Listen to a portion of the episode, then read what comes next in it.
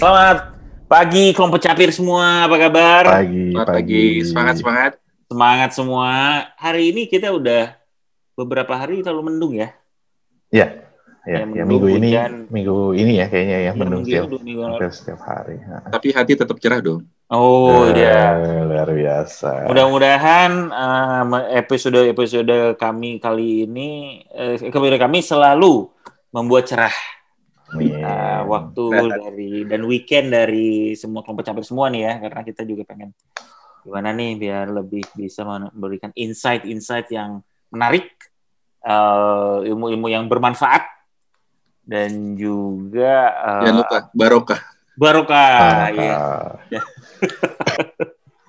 Oke, nah kita hari ini eh, setelah research yang kita lakukan beberapa lama, kita ngobrol dengan banyak orang ya, research yang intensif kita lakukan gitu ya, eh, selama beberapa saat ke belakang ya, eh, kita me- menemukan sebuah eh, apa ya, sebuah topik atau fenomena menarik nih.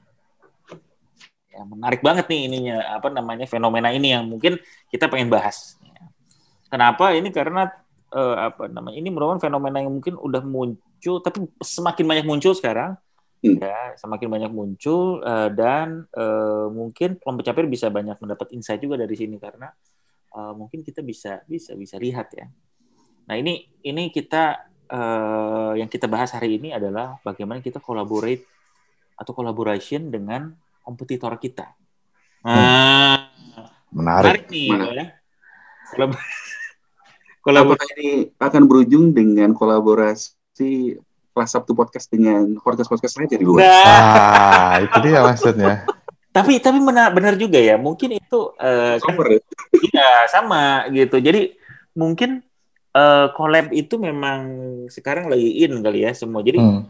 bagaimana cara pandang orang juga terhadap competition tuh I think is different ya. Kayak kan collab kan podcast contoh aja gue sih si itu apa yang review mobil tuh Ridwan Oh, Hanif, Citra Eri. Citra Eri, Citra Eri. ha. Om Mobi apa segala macam. Mereka kan bikin acara bareng-bareng. Bikin acara bareng bener. bikin bareng, bikin konten bareng-bareng gitu. Iya, memang udah zamannya. Emang kolaborasi kayaknya maksudnya eh, apa ya? Entah ya.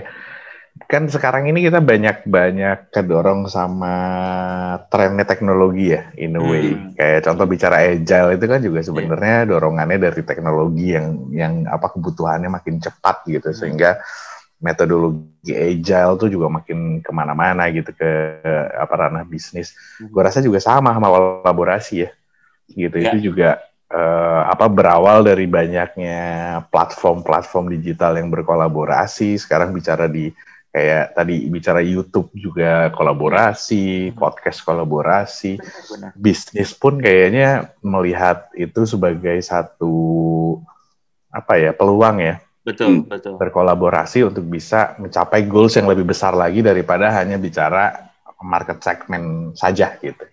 Iya. Gitu sih kalau gue bilang. Benar, benar, benar. Dan itu sudah menyimpulkan akhir dari podcast kita sebetulnya.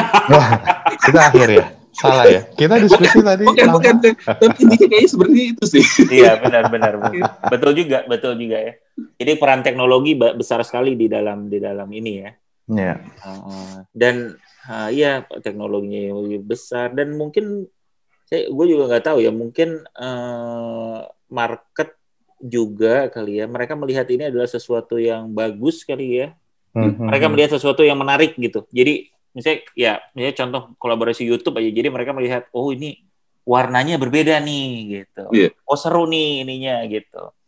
Uh, dan juga mungkin beberapa produk nanti yang kita bisa lihat juga atau company yang yang berkolaborate juga membuat itu jadi lebih oke jadi membuat sebuah produk atau service yang eh, apa ya yang lebih lebih lebih menyenangkan mungkin dari untuk untuk para penggunanya Ya, dan mungkin yang pastinya market kenapa Iya. beru- mungkin agak berubah dari dari dulu kita bicara fanatisme Hmm, menjadi ke functionality gitu. Mungkin orang sekarang lebih mikir yang penting functional, nggak peduli ininya apa gitu di belakangnya. Eh, Dulu kan fanatisme brand tuh kenceng banget Iya, ya zaman-zaman benar, era kita berkembang. Hmm. Sekarang kan kayaknya itu yang mulai mulai ah udahlah gitu kita pakai apa saja yang penting paling bawa manfaat banyak gitu yang orang pilih gitu ya. Jadi Betul. orang makin Bener. simple berpikir gitu. Mhm. serve the purpose dan mungkin yang paling pasti end customer wins ya karena Nah. Iya. merasakan manfaat dari hasil kolaborasi dan eh, apa eh, partnershipnya itulah Iya betul, betul, betul, betul. Karena mereka dapat pro- eh, produk-produk yang lebih bagus, lebih lebih tajam gitu ya. lebih murah Lebih murah, benar, benar, benar, benar. Benar, lebih banyak Benar. diskon. Iya. Baik, terima kasih kalau pencapir kelas 1. pendek sekali hanya lima menit Leonid, tap- Wabila taufik wal hidayah. Wassalamualaikum. ya. Memang kalau te- tema yang eh, apa namanya yang tajam dan berkualitas kayak gini nih, cukup dua menit udah selesai gitu. Nggak usah muter-muter ngebicarain itu. nggak. nah, cuman eh, kita pengen tahunya adalah apa sih gitu ya? Contohnya mungkin ya. Kita contohnya eh, yang yang mungkin eh kayak gimana collaboration dan competition selain dari untuk misalnya kayak YouTube gitu ya. Beberapa Hmm. di dalam eh, apa namanya real C itu bukan real ya.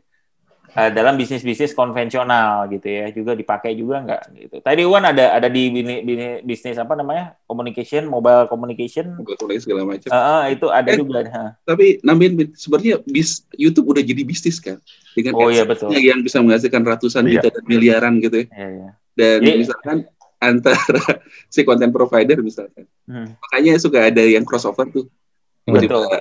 Tiba-tiba misalkan Atta Halilintar dengan Mbak Imong gitu ya. hmm. Dia Ya. mereka punya segmen market Benar, eh, yang benar, berbeda. benar, Bisa benar. saling ngeliat dan akhirnya mungkin saling follow satu sama lain kan ya. Benar, Hmm. benar. Itu benar banget. Gue lihat ya banyak lah yang kayak gitu suka crossover. Misalnya contoh Ari Lasso. Ari Ah, iya, Lasso bikin eh, kontrak eh, ini dengan Fitra Eri. Dua-duanya Hmm. bikin eh, konten ya sama-sama bikin konten. Jadi Ya. yang suka nonton musik mungkin ngedengerinnya Fitra Eri, eh ngedengerinnya Ari Lasso, eh jadi lihat juga nih, oh ada mobil juga nih gitu. Yang suka Iya, mobil, eh ada juga gitu. Iya. Betul. Best Nah. Sabtu juga dengan banyak eh, Dan nanti kelas ya Jumat, ya kan kelas Jumat, Oh, kelas. Kamis, kita bisa kolaborasi. kita bisa kolaborasi. Jadi Ya, teman-teman kita, kelas Jumat, kelas Kamis tuh bisa kontak kita. kita undang, nanti. ya. Kita undang untuk untuk untuk bisa ikut juga dalam eh, tren kolaborasi ini. Ya. Iya, Jangan lupa. iya. kelas kambing juga diundang. Tapi ya kalau gue boleh sedikit ini ya, karena apa namanya keinget-inget juga apa belajar kemarin-kemarin ini. Hmm. Sebenarnya bicara kolaborasi itu kan awalnya juga dari bicara integrasi bisnis ya. Kalau dulu Hmm. kita kenal vertical integration dengan horizontal integration Hmm. gitu di mana Boleh sambil lihat nggak Ki itu ya? ya boleh. Boleh ya, biar nggak apa-apa ya. Nah ini kan masih jadi apa ya? Ini masih jadi core lah gitu. Artinya pada saat bisnis melakukan expansion atau bisnis pengen mengembangkan eh, segmentasi market yang namanya vertical integration dan horizontal integration ini selalu jadi topik kan Hmm. gitu. Either kita mau eh, berkolaborasi dengan supply chain apa namanya dengan eh, perusahaan di belakang eh, proses supply chain kita gitu Hmm. misalkan jadi eh, let's say kalau kita paling depan eh, ngasih produk ke customer gitu ya Ya. kita mau kerjasama sama perusahaan manufaktur yang nyedia yang supply barang kita gitu Hmm.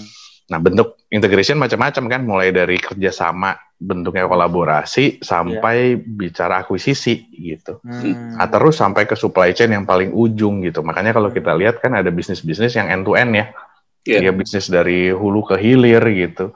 Nah, itu namanya vertical integration dan ini kejadian juga di perusahaan-perusahaan yang sifatnya konglomerasi yang dia punya banyak eh, anak ada grup-grup gitu ya yang punya eh, let's say dia eh, apa namanya eh, mining company gitu tapi Hmm. dia mulai dari miningnya sampai ke transportation sampai Hmm. ke uh, trading coal trading gitu misalkan Hmm. gitu kalau di trading. Nah itu ada tuh perusahaan-perusahaan yang emang end to end dia lakukan vertical integration dengan cara dia akuisisi ataupun dia kolaborasi kerjasama dengan berbagai pihak Hmm. gitu. Nah di sisi lain ada horizontal integration kan. Mungkin kalau gue lihat sih kayaknya kalau kita bicara tadi kompetisi ini gitu ya Iya. kolaborasi dengan kompetitor Hmm. mungkin agak-agak nyentuh ke vertical integration eh, apa horizontal integration ya Hmm. gitu. Kalau kita lihat di Indonesia contohnya kan kalau bicara eh, penyediaan listrik gitu oleh Hmm. PLN.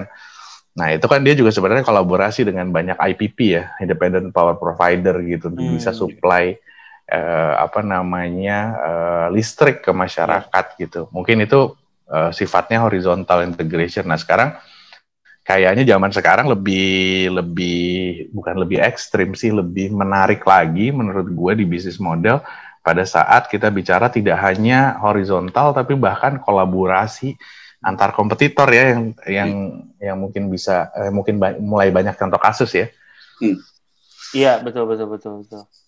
Ini kalau dilihat sih.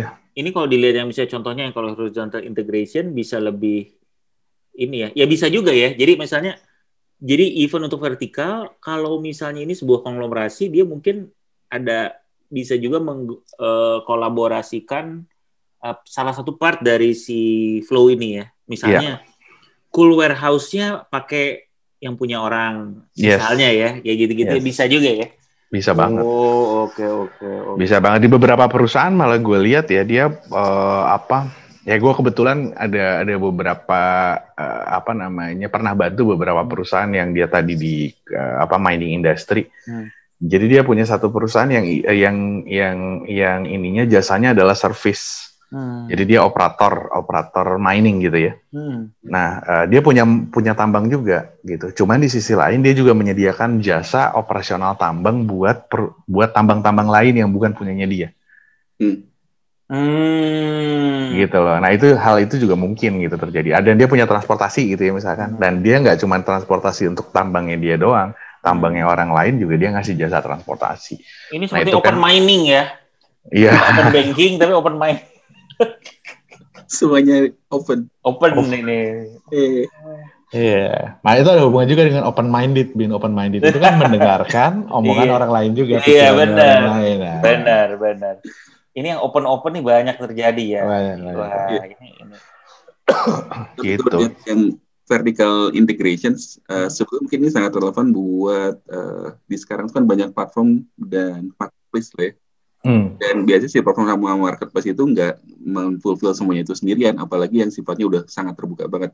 Hmm. Kalau zaman dulu kayak misalkan apa sih uh, Lazada, Zalora gitu ya, hmm. mungkin mereka betulan dari end to end kali ya, dari mulai mereka uh, jadi suppliersnya sampai misalkan nganter nganterin barang gitu, hmm. Laz Express lah apa gitu. Yeah, yeah. Oh, Tapi okay. mungkin karena ngelihat bahwa itu nggak efisien, akhirnya dipecah ya Ya benar. Apalagi banget. yang udah punya, apalagi yang sifatnya udah open marketplace gitu, mm-hmm. yang siapa aja bisa jualan di platformnya mereka. Kayak sekarang kan banyak ada warehouse fulfillment service gitu ya buat mm. orang, jadi kita mereka nggak punya warehouse terlalu banyak. Mm.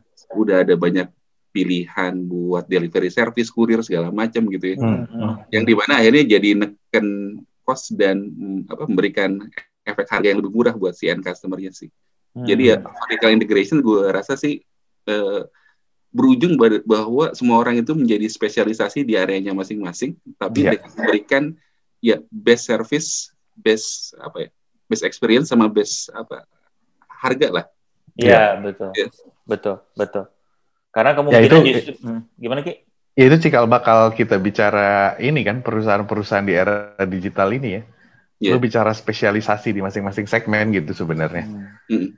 Kalau dulu kan orang pengen punya bisnis end to end tuh, kalau sekarang justru dipecah-pecah itu kan gitu, hmm. sehingga yeah. lo bisa main di area itu gitu. Bener. Gitu kali ya kalau kalau gue pikir sih.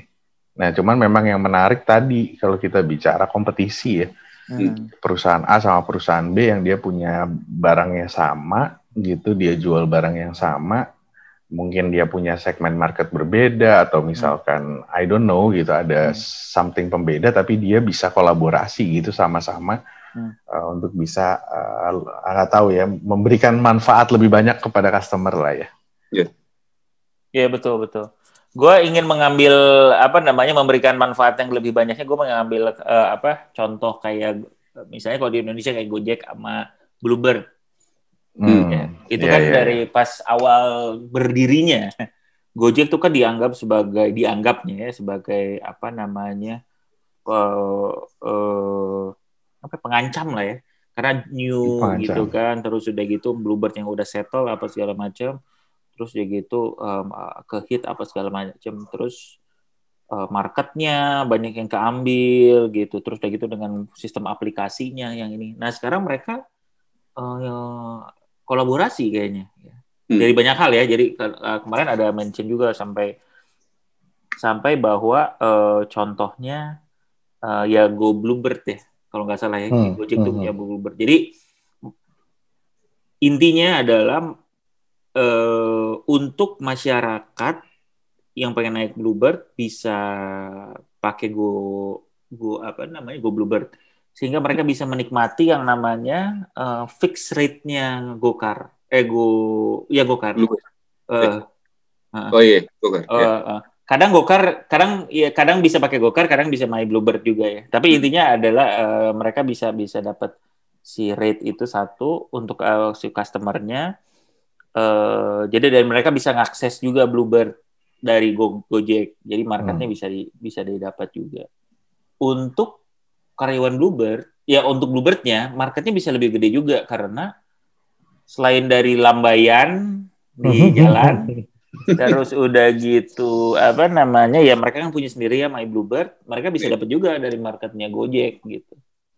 Jadi marketnya yeah. jadi semakin besar juga gitu. Yeah.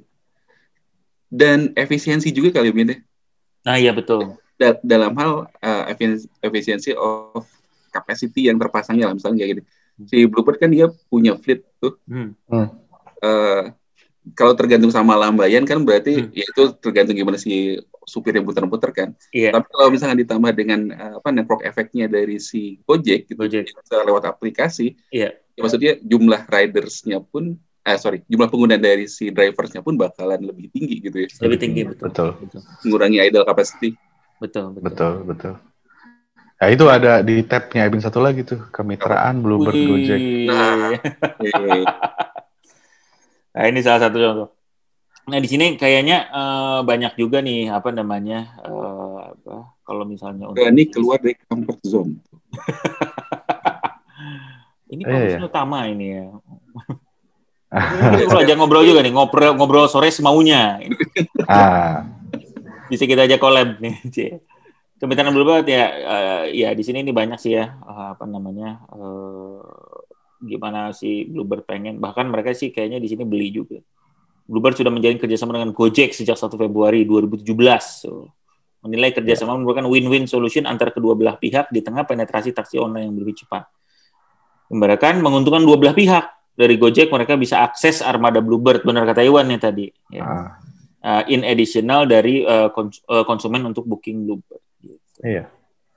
Dan hmm. uh, Blue eh, Gojek itu beli sahamnya Bluebird di tahun kemarin ya. Hmm. Tahun 2020. Waktu si Bluebird ya IPO itu? Uh, enggak, Bluebird kan udah lama IPO. Oh, iya. Tahun 2020 tuh dia ada apa pembelian saham sekian persen lah hmm. dari uh, Bluebird ke eh dari Gojek hmm. ke Bluebird. In a way kan kalau yang namanya pembelian saham itu juga sebenarnya kayak apa namanya membuat ikatan yang hmm, lebih kuat batin. lah gitu ikatan lebih kuat bahwa ini tuh uh, perusahaan yang berafiliasi gitu hmm. hmm. jadi nggak hanya kontrak kerja tapi dia yeah. juga uh, ada kepemilikan saham ownership ya hmm. Hmm. Hmm. Seperti Gojek membeli perusahaan lainnya di tahun kemarin gitu kan nggak cuma doang. Banyak banyak yang banyak, banyak. Iya betul betul betul. Menarik menarik ini menarik. Dan yang lain juga ada ya Iwan ya. langsung naik betul. Naik. dengan kode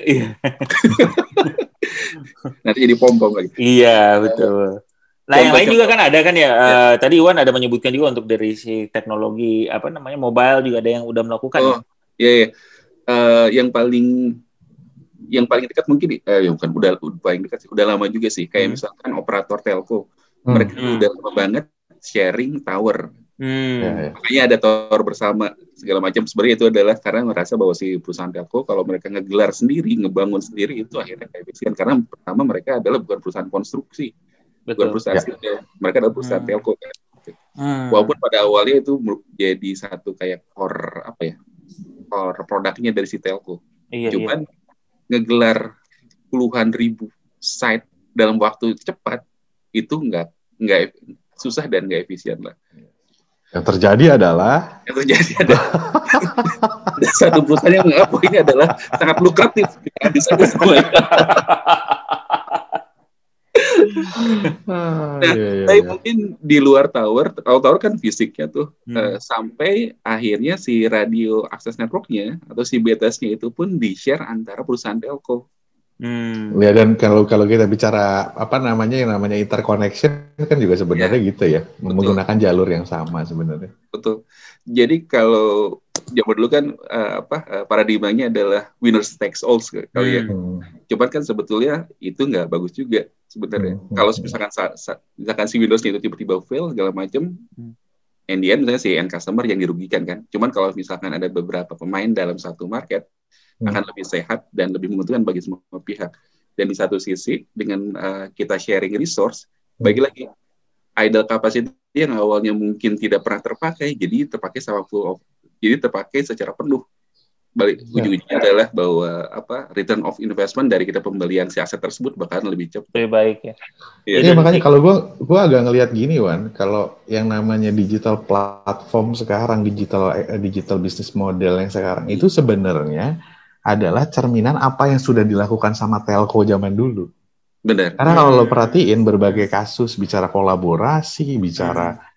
Apa namanya, apalah gitu ya, gue banyak ngelihat, oh ini kan telco dulu udah pernah ngerjain nih model begini, tapi bentuknya yeah. beda gitu. Iya. Yeah. Yeah. Gitu loh, gue agak ngerasa gitu. Makanya menurut gue ya, in a way telco is digital company gitu. Hmm. Betul.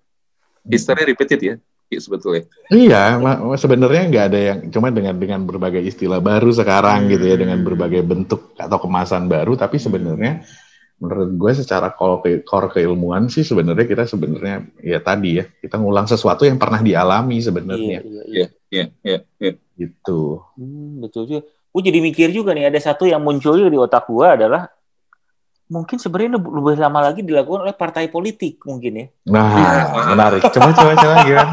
Gimana gimana gimana? Ya, jadi maksudnya kan mungkin untuk koalisi ya, untuk koalisi. Iya. Kadang-kadang kan orang jadi akhirnya gua ini kan partai politik kan sebenarnya kan mungkin mereka competition one hmm. into another gitu ya. Uh, cuman di dalam satu per per apa namanya dalam satu kebutuhan gitu ya mereka akhirnya berkoalisi dan dan untuk untuk mencapai suatu tujuan yang lebih besar. Ha? Padahal yeah. kan mereka kompetisi juga gitu. Gitu sih. Ini ini apa ada yang berkoalisi, ada yang berkudeta gitu ya. Kalau nggak setuju, macam Iya iya iya banyak banyak banyak banyak ini ya apa namanya banyak contohnya lah. Eh. Tapi itu menghilangkan fungsi checks and balance nggak sih? Kalau kita terlalu banyak ber Oh ya, betul, kolaborasi betul, dan betul, betul, betul, ya. betul, betul. Kolaborasi. Ya, eh, kalau misalnya dengan dengan sistem yang ada oposisinya, memang menghilangkan check dan balance. Gitu. Jadinya semuanya uh, di bawah naungan uh, satu ini aja satu konglomerasi besar lah misalnya gitu. Oligark. Oligark. gitu. Tapi iya makanya kan sekarang ada yang namanya orkestrator ya Hmm. Nah, sekarang kan dulu kan orang ngelihat orkestrator itu sebagai broker kan. Yeah. perantara hmm. aja sebenarnya hmm. apa middleman aja. Nah, uh, apakah jangan-jangan ya dengan apakah jangan-jangan orang sudah melihat bahwa yang namanya orkestrator ataupun agregator gitu ya, itu sebenarnya adalah the man with power gitu.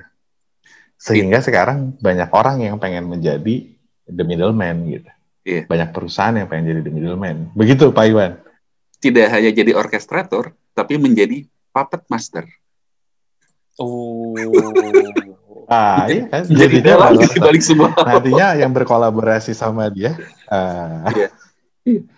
Ya tapi itu sebetulnya jadi karena pada saat iya, kita yeah, berkolaborasi kita sering-sering sesuatu kan kita menyerahkan sesuatu yang mungkin awalnya menjadi yeah, yeah. hak kita misalkan untuk menolak atau enggak. Iya. Yeah. Cuman pada saat kita uh, hmm. apa berkolaborasi Eh, kita menurunkan tingkat resistensi kita terhadap kolaboratornya ya kita itu kan. Maksudnya gimana tuh menurunkan tingkat resistensi? Uh, ya berarti kan kita membuka diri kita, hmm. kita uh, ber apa? Ya. Apa? Less argumented lah dengan transparansi. Oh betul betul. Transparansinya jadi ya, lebih ya. tinggi, tapi mungkin ya. uh, kalau misalkan satu pihak itu punya vested interest yang kita sebetulnya nggak tahu, hmm. ujung-ujungnya bisa merugikan kita sih. Hmm. Ya ya betul betul betul. Betul, itu bisa ya. Uh, apa namanya? Jadi mungkin curi teknologi misalnya atau apa yeah. gitu ya, R&D misalnya ya. Hmm. Menarik juga ya ini ya. Terutama yang dari yang tadi ya. Makanya makanya secara secara governance harus baik. Nah, oh. coba tolong dikeluarkan bukunya. Oh iya. Selalu handy Selalu handy ini ada ya. Ini, Nah, penting, penting, penting.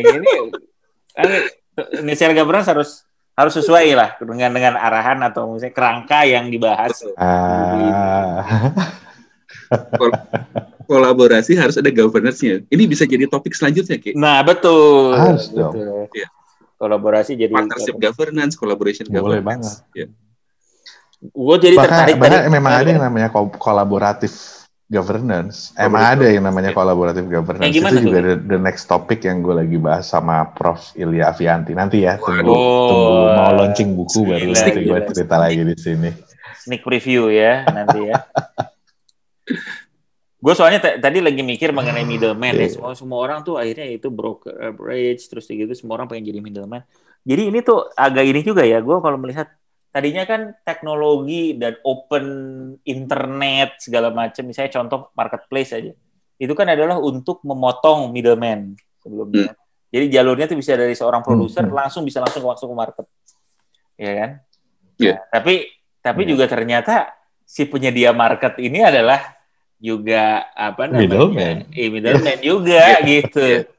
Gitu. Iya, jadi salah sih sebenarnya memotong uh, middleman enggak, mereplace middleman yang lama bentuknya aja mungkin gitu ya sama sama karena kan. Iya. cuman mungkin mungkin harganya lebih murah ya daripada middleman middleman pada umumnya ya. tapi it's still the yeah. same concept gitu right? Iya yeah. sama aja sebetulnya menarik juga ya. Menyeramkan ya ini jadi seperti konsep mikrokosmos makrokosmos di mana sesuatu yang kecil itu terulang dalam bentuk yang lebih besar. Ah iya ah. benar benar benar. Benar benar benar ini benar ini Benar, benar, benar. Karena dan itu terjadi di berbagai macam hal. Ya. Ini kok iya. jadi dalam ya sebenarnya berpikiran. apalagi Wan? Maksudnya selain misalnya contoh selain middleman yang yang middleman apalagi? Apa sih mikrokosmos makrokosmos contohnya? Ya, enggak kan kalau misalkan di bio, di apa di biologi gitu ya. Hmm. Kayak misalkan jaringan sinapsis otak kita hmm. tuh. Oh, kalau misalkan okay. di dilihat secara lebih detail itu sama kayak misalkan semesta alam gitu iya, iya, iya, iya, iya, iya. Oh, oke. Oke, oke, oke. Atau kayak misalkan fraktal itu, hmm. fraktal yang bercabang-cabang-cabang yeah. gitu. Kalau misalkan digedein lebih besar lagi, sebetulnya bentuknya adalah sama cabang-cabang-cabang juga, tapi dalam bentuk, bentuk lebih besar. besar. Gitu. Oh. Instead of, iya. Yeah. Hmm. Ya semuanya itu adalah pengulangan sebenarnya. Iya, iya. Infinity. Dalam Bagus juga nih. Luar biasa ya. Singular. Menarik banget nih. Ini menarik banget nih. Mikro Dalam banget sih ini mikir ini. Iya. Cuman karena gue gua tadi tertrigger dengan middleman middleman. Bukannya kita tuh berusaha untuk cut middleman gitu sebelumnya tuh kan. Cut the middleman. Uh, cut the middleman. Yeah, kita bener, bener. everything is go. Kita tuh membantu masyarakat untuk bisa langsung menjual barangnya ke market langsung. Tidak ada lagi ini sayuran langsung ke ini kita bisa small and medium enterprise iya. bisa langsung jualan ke ini. Jadi nggak usah lagi harus gimana. Enggak, sekarang jadi makanya gue bilang kita bukan mengkat sebenarnya tapi mereplace karena sekarang yang harus kita pikirkan berikutnya kan hmm. bentuk baru middleman ini hmm. artinya menjadi orang yang lebih powerful daripada middleman sebelumnya dong yang tadinya kecil-kecil dan yeah. terpisah-pisah. Hmm. Ya kan? Iya. Nah, se sehingga sekarang Bener. kita udah bicara resiko sistematis hmm. atas si sistem-sistem ini gitu. Gitu. Nah, itu yang menurut gue itu something to think about, think about karena ya. menurut gue ya inilah kenapa pentingnya digital governance dan kolaborasi tadi gitu. Hmm. Governance di kolaborasi. Karena kalau itu tidak govern, maka yang dirugikan lebih besar daripada seorang middleman yang merusak gitu. Seorang yeah, penipu yeah. yang menjadi middleman gitu. Hmm. Ini efek efeknya katastrofik ya. Dan kalau dilihat kayak sebenarnya si marketplace gitu ya, mm-hmm. itu dia serve-nya ke siapa sih? Yang gede-gede gitu. Ke investor dong. Iya. Yeah.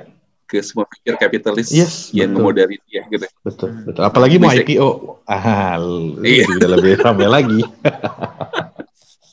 Sehingga apa Wan? Sehingga banyak kepentingan yang misalnya nanti akhirnya uh, bisa dititipkan ya, oleh investor terhadap uh, si produknya tersebut gitu. Iya, termasuk driving the market, driving our behavior gitu. Oh. Driving the ekonomi segala macam. Driving the ekonomi. Ini ini tuh bicara ini harusnya dia masuk ke dalam forumnya KKSK untuk dibahas. Hmm. Karena stabilitas sistem keuangan juga bisa berdampak loh ke sana gitu. Karena dia mau nggak mau juga ada nyambung juga ya gitu ke sistem keuangan. Tetapi ya, itu secara persentase mungkin belum sebesar itu di Indonesia. Tapi it's getting bigger sih. Hmm. Yeah. Menarik sekali nih. Ini menarik ini. Diskusinya. Tumen, kita berpikir lebih dalam ya. Iya yeah, gitu. Cuaca mendung ini membuat kita lebih dalam. Tapi memang benar itu artinya memang topik yang di research secara secara lebih baik dan apa pembahasan-pembahasan yang lebih kita secara rigorous baca baik juga itu menimbulkan diskusi yang lebih baik juga gitu ya. gitu. Ini menarik sih karena kita kan tadinya bahasnya mengenai mengenai kolabor apa namanya kolaborasi kompetitif tapi ya memang masih masih di dalam area arena itu ya. Ya. Ya, ya, ya karena kalau kalau kalau disambungin kalau disambungin mungkin bin kolaborasi apa fenomena kolaborasi ini menyebabkan yang tadinya uh, apa namanya small business yang ada banyak menjadi makin mendekat kan satu sama lain. Betul, betul. Gitu. Yeah. Dan kolaborator-kolaborator ini yang menjadikan platform-platform kolaborasi ini tentunya akan dia akan menghandle uh, kumpulan uh, bisnis-bisnis atau kumpulan orang-orang yang jumlahnya cukup besar. Hmm gitu. Ujungnya memang pasti ke sana menurut gua karena hmm. fenomena kolaborasi ini bahkan tadi kita bicara co-opetition ya gitu hmm, dari kompetitor pun jadi mulai berkolaborasi. Artinya kan sebenarnya kita semakin connected nih satu sama lain. Yeah. Gitu. Nah, uh, which is ada another risk di depan gitu yeah, ya yang yeah. sebenarnya juga harus kita pikirin. Which is mungkin kita belum punya jawabannya sekarang tapi ini something to think about sih menurut gua. Yeah. Gue lagi mikir juga nih akhirnya bisa jadi monopoli nggak ya? Jadi ya, misalnya, uh, misalnya hmm. ya, misalnya ini kolaborasi ya, misalnya contoh, um, let's say ada dua pemain besar lah, atau tiga pemain besar, empat hmm. pemain besar di dunia ini yang mainan uh, telekomunikasi misalnya gitu. Terus mereka melihat, oh ini kita kolaborasi aja antar competition. Mereka merge, udah. Jadinya mereka adalah the only big player yang main di dunia ini. Karena which is very uh, very apa ya possible kayaknya di ya, dalam bentuknya dong. kayak gini ya. Sangat dong. kan kayak, kayak kayak lo bilang tadi, seperti partai politik aja. Oh. Terlihat banyak, tapi sebenarnya cuma satu. Siapa semua di belakang ini? Siapa yang benar benar benar benar benar. Iya iya iya iya. Menarik, ya, menarik ya, ini, ini. Bisa Skynet sana. Iya, iya. Nah, Skynet, ya. menarik, menarik. Menarik ini. Ini ini ini sebuah pemikiran yang mungkin kita perlu juga bahas juga ya.